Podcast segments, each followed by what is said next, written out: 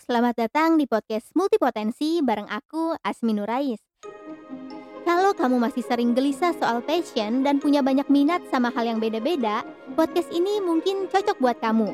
Di sini kita bakal belajar bareng soal menjadi seorang multipotensi, alias orang yang punya banyak ketertarikan dan creative pursuit atau semacam keinginan untuk menciptakan sesuatu gitu. Jadi, ambil cemilan kamu, siapin alat tulis kalau diperlukan, dan selamat mendengarkan.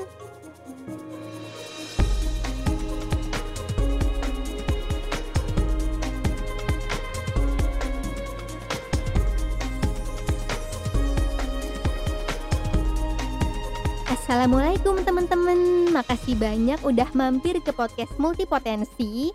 Dan makasih juga buat teman-teman yang ngikutin podcast ini dari awal sampai sekarang Aku harap kamu udah bisa menemukan kebahagiaan dalam apa yang dilakukan sekarang. Dan buat yang baru mampir, aku ingetin lagi buat dengerin dulu episode-episode sebelumnya, terutama 1 sampai 3 karena aku sengaja bikin podcast ini tuh berurutan supaya kamu lebih mudah memahami tentang multipotensi ini, yang artinya memahami diri kamu sendiri. Ya, itu juga kalau kamu ngerasa termasuk golongan ini ya. Dan di episode kali ini aku bakal bahas hal yang kelihatannya tuh sepele tapi penting buat dipahami, yaitu apakah seorang multipotensi otomatis bisa multitasking? Hmm, sebelumnya eh, kita sepakati dulu ya kalau definisi multitasking itu adalah melakukan beberapa pekerjaan dalam waktu yang bersamaan. Eh, jadi kalau istilah yang umum itu contohnya misalnya nulis sambil dengerin musik, nonton sambil makan, ngerjain PR sambil minum misalnya, dan lain-lain lah. Tapi kan itu konteksnya kegiatan sehari-hari ya. Nah, kalau dalam konteks seorang multipotensi, mungkin ini maksudnya melakukan berbagai proyek atau job dalam waktu yang bersamaan. Jadi misalnya aku, Aku lagi proses bikin film pendek, tapi ya sambil bikin konten podcast sama YouTube rutin gitu kan. Ada orang yang harus beresin project tuh satu per satu, tapi ada juga orang yang bisa mengerjakan beberapa project tuh sekaligus gitu dalam waktu yang bersamaan. Nah, terus yang perlu kita pahami adalah ternyata multitasking dalam kamus multipotensi ini tuh bentuknya skala. Jadi skala tuh kayak garis lurus, terus di ujung paling, apa ya, paling kirinya itu paling rendah, alias nggak bisa sama sekali multitasking. Jadi kayak ngerjain project tuh satu per satu gitu. Nah, sementara di ujung paling kanan, itu yang ujung garis paling kanan, itu mahir banget multitasking alias ngerjain project tuh banyak sekaligus. Pertanyaannya, seberapa banyak itu banyak? Dan jawabannya ini tentu tiap orang beda-beda. Dan yang harus kita pahami adalah si skala ini tuh bisa berubah gitu loh dalam diri tiap orang. Ini bukan sesuatu yang saklek gitu. Jadi kalau saat ini kamu bisa ngerjain 5 project sekaligus dalam waktu yang bersamaan, belum tentu 5 tahun kemudian masih sama gitu, bisa jadi berkurang, bisa jadi jadinya cuma bisa ngerjain satu project doang. Dan itu tuh sah-sah aja buat berubah, jangan bikin ngerasa insecure atau ngerasa bersalah karena tidak seprima dulu, enggak, itu tuh sah-sah aja perubahan kayak gitu tuh. Dan hal lain yang perlu digarisbawahi adalah buat beberapa orang, satu profesi atau pekerjaan sekali sekalipun itu multidisiplin ya, itu tuh tetap dianggap sebagai satu project atau satu job. Karena ya dia punya satu tujuan doang atas apa yang dia kerjakan itu. Mmm, misalnya gini, kamu kerja di satu perusahaan dengan posisi tertentu. Kebetulan atasan kamu tuh tahu kalau kamu multipotensi yang jago dalam beberapa hal gitulah. Dia ngebikin kamu mengerjakan hal-hal di luar porsi pekerjaan kamu di posisi kamu saat ini, karena dia menganggap kamu tuh bakal seneng dikasih wadah untuk ngembangin semua minat kamu itu. Menurut dia, dikasih berbagai job desk itu adalah kepuasan buat kamu gitu lah. Dia pengen kamu merasa dianggap jago, merasa dipercaya, merasa dihargai.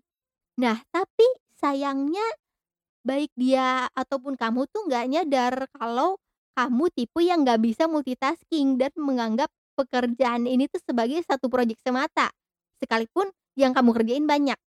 Jadinya, yang harusnya kamu melakukan hal lain, passion lain atau minat lain di luar pekerjaan, semua minat kamu tuh plek-ketiplek dilakoni di pekerjaan itu.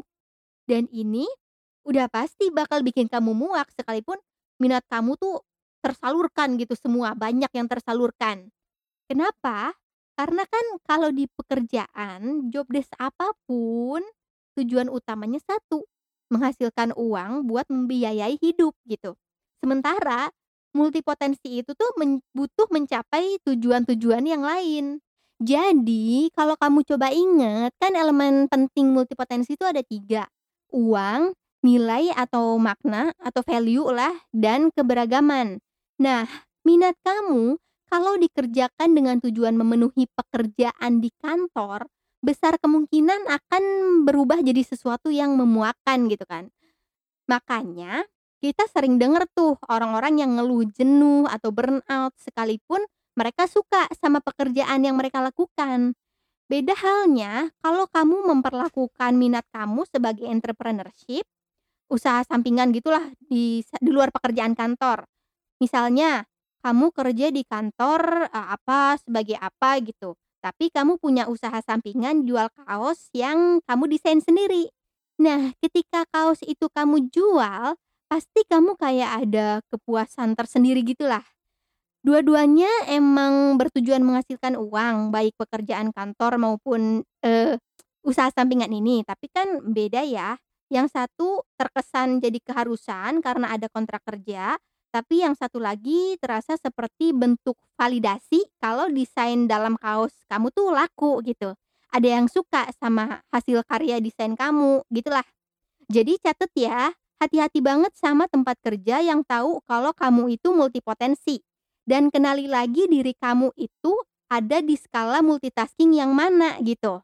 Nah, khusus kamu yang belum masuk dunia kerja, kamu beruntung banget karena kamu udah tahu dari sekarang kalau diri kamu ini multipotensi.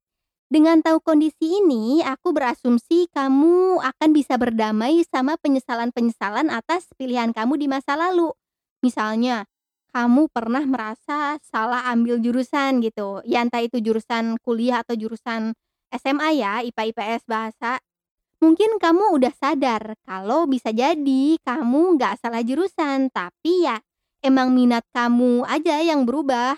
Dulu tuh pengennya ini, ternyata seiring berjalannya waktu kamu nggak cocok, terus nemu minat yang lain gitu. Atau kalau kamu kelas 3 SMA terus bingung mau ambil jurusan apa pas kuliah, karena udah gedenya tuh bingung gitu, nggak kebayang mau jadi apa, santai aja. Belum tentu begitu lulus, minat kamu tuh masih sama sama pas SMA, bisa jadi nanti beda, berubah. Dan kamu lama-kelamaan juga nanti akan terbiasa kok sama perubahan minat, passion, dan cita-cita kayak gini. Jadi ya pelajari aja apa yang saat ini bikin kamu penasaran, bikin kamu tergerak aja gitu dulu saat ini, pengen belajar apa, senengnya apa. Dan kamu nggak pernah tahu ada hal-hal menarik apa lagi yang menanti kamu di masa depan yang mungkin baru kamu temui setelah menjalani atau menekuni satu minat itu gitu. Jadi harus dijalanin dulu, nggak cuma diterawang-terawang doang. Oke, segitu dulu aja podcast multipotensi episode kali ini. Aku terbuka banget loh kalau kamu pengen ajak diskusi lewat DM Instagram ke @asminurais atau bisa ke email aja kali ya asminurais@gmail.com. Nah, kalau kamu merasa podcast ini bermanfaat, jangan lupa share podcast ini ke teman kamu yang kamu rasa dia sesama multipotensi gitulah. Sampai jumpa di episode berikutnya. Wassalamualaikum warahmatullahi wabarakatuh.